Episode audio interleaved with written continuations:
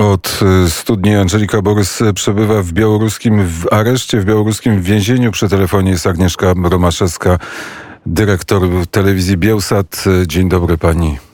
Dzień dobry.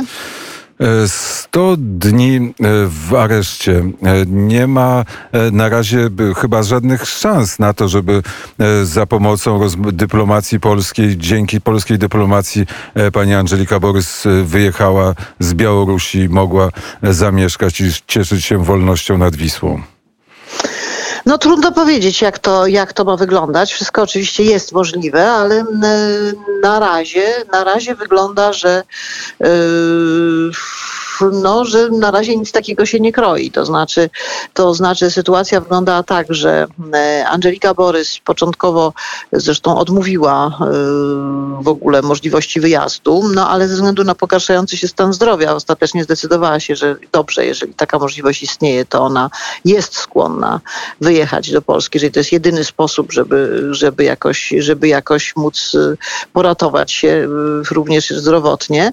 No i no ale wygląda, że jest trzymana w jakimś sensie jako rodzaj takiego zakładnika, y, który ma, to ma też oddziaływać na Andrzeja Poczobuta, który stanowczo powiedział, że nie zamierza wyjechać z Białorusi.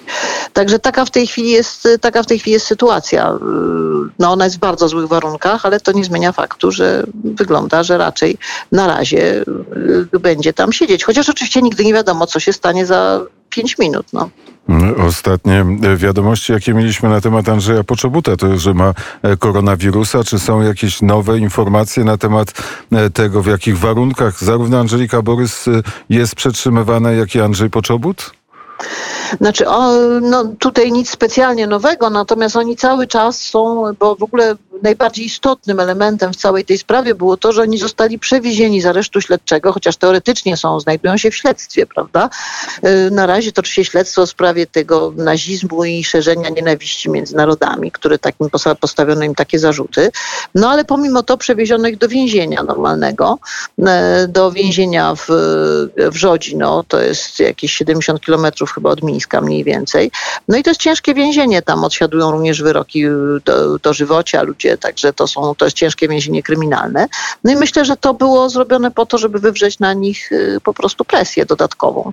To jest rodzaj, rodzaj, y, ro, ro, rodzaj tortury, znaczy rodzaj męczenia, bo trzeba powiedzieć sobie, że te więzienie, y, to więzienie w Żodzi, no najbardziej to przypomina stalinowskie więzienie. Jeżeli ktokolwiek czytał i zna opowieści, jak wyglądały stalinowskie więzienia, to to najbardziej jest do tego zbliżone, jeśli chodzi o zagęszczenia, warunki higieniczne, możliwości wszelkiego, spacery i tak dalej, no to po prostu również niedoręczana jest poczta często, czy wstrzymywana poczta. Y, potem więzień dostaje nagle po tam miesiącu dostaje jakieś, jakąś, jakąś, jakąś korespondencję. Także w ogóle więzienia białoruskie wyglądają bardzo źle, a to wygląda źle szczególnie.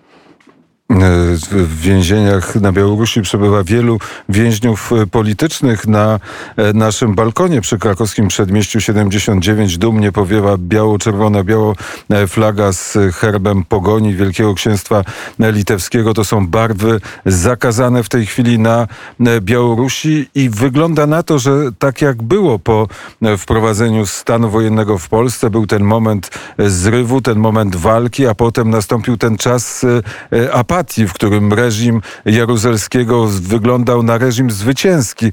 E, czy też tak e, wygląda teraz sytuacja na Białorusi?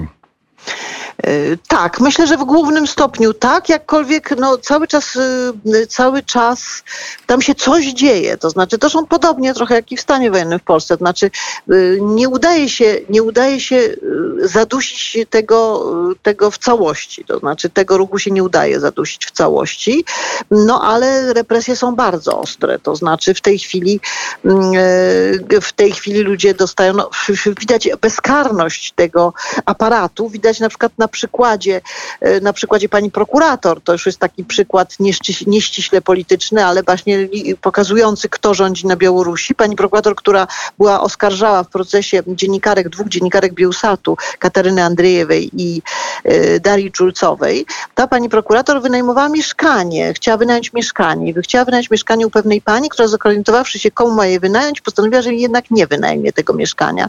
No i cóż się stało z panią? Pani właśnie została wczoraj skazana na dwa lata aresztu domowego za już nie wiem dokładnie co, ale to wszystko jedno za co, za coś tam, za cokolwiek generalnie rzecz biorąc. Za to, że nie wynajęła jej mieszkania. Tak to, tak to generalnie, ta, ta, tak, tak wygląda, że tak powiem, sytuacja kto rządzi na Białorusi w tej chwili. W tej chwili jest sytuacja taka, że właściwie za dowolną rzecz y, można nagle dostać dwa tygodnie aresztu w bardzo fatalnych, bardzo złych warunkach.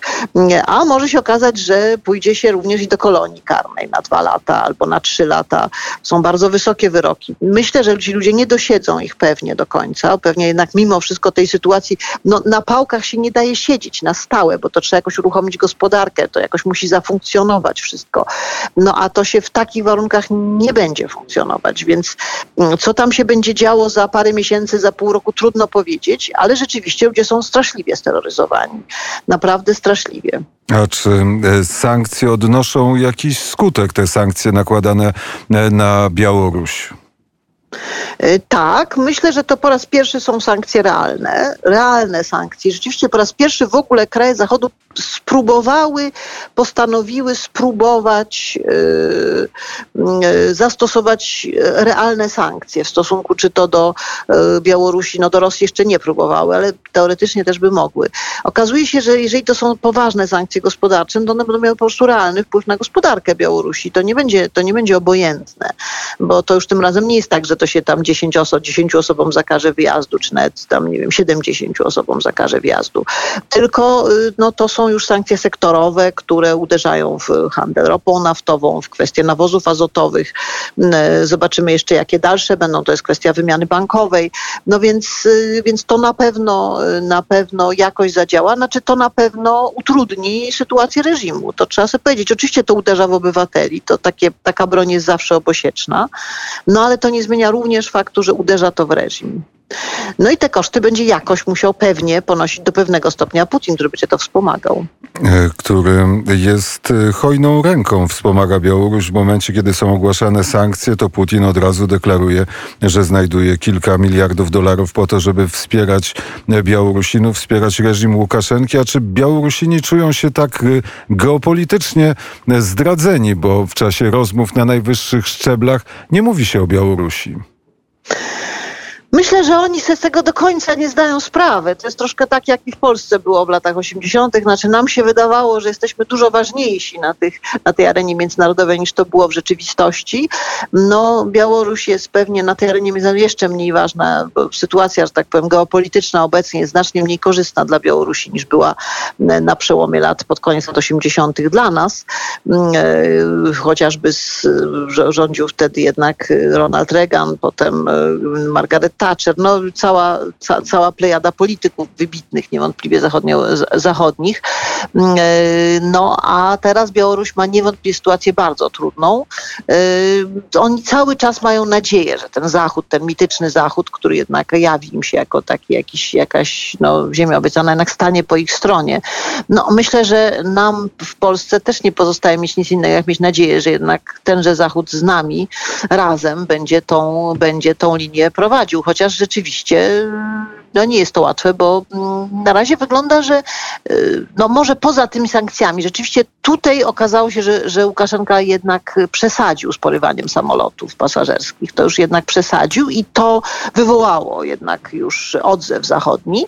Natomiast jakby to miało pójść dalej, to znaczy chociażby w kierunku patrona Łukaszenki, czyli Putina, który to wszystko jakby no niewątpliwie patronuje temu wszystkiemu, no to tu już nie. To to już nie, tu już się okazuje, że, że kraje zachodnie się odwracają na wszystkie strony jak mogą, żeby tylko tego nie zauważyć, tej specyficznej zależności, która tu jest. To kraje zachodniej, dyplomacja zachodnia e, po, potrafi. Przekonywaliśmy się o tym wielokrotnie. A jak działa Bielsat? Bielsat miał tych korespondentów, którzy prosto z Białorusi nadawali i opowiadali o tym, co tam się dzieje, a teraz e, sytuacja e, dziennikarzy na Białorusi jest taka, że jak ktoś coś mówi, natychmiast może trafić do aresztu.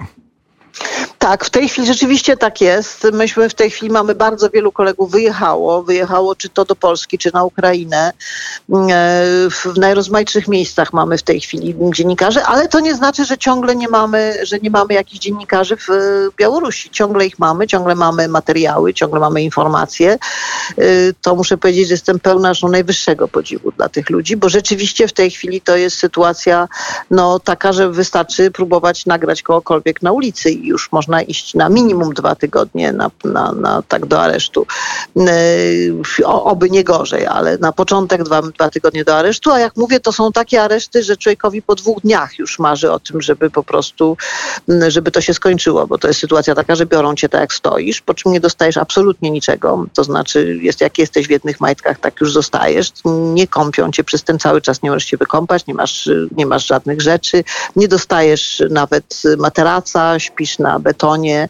No i dwa tygodnie tak to okazuje się bardzo długie, 14 dni jest wtedy.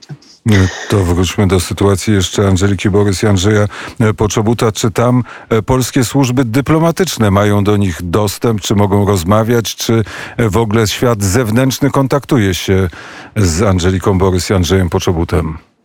Mm, no niespecjalnie. Tam było, rozumiem, że chyba dwa razy pozwolono im spotkać się z konsulem. E, to było jeszcze przed e, wyjazdem, przed wywiezieniem tych e, trzech działaczek z, z Lidy, Bezbrześcia i Wołkowyska.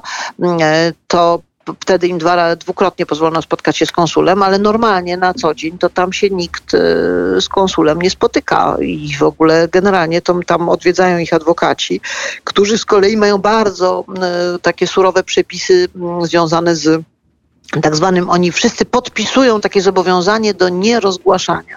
Znaczy nie mogą nic powiedzieć, nie mogą nic powiedzieć, co się dzieje w ogóle z, z oskarżonym. E, no niekiedy czasami mówią, że się ma świetnie, to, ale to zazwyczaj ci adwokaci, co są z urzędu, e, no to oni czasami nagle się okazuje, że chociaż niby nie mają niczego ogłaszać, ale jednak to ogłaszają, że się oskarżony ma świetnie, a tak poza tym to raczej nie mogą niczego przekazywać. W związku z tym zresztą kontakt jest niesłychanie niesłychanie utrudnione. No, jacyś są zawsze współwięźniowie, jakieś gdzieś widzenia, ktoś gdzieś miał, ktoś wyszedł. No, różne sposoby są na dowiedzenie się czegoś, ale kontakt jest niesłychanie trudny. Bardzo serdecznie dziękuję za rozmowę. Dziękuję bardzo. Agnieszka Romaszewska, dyrektor telewizji Bielsat, była gościem popołudnia wnet.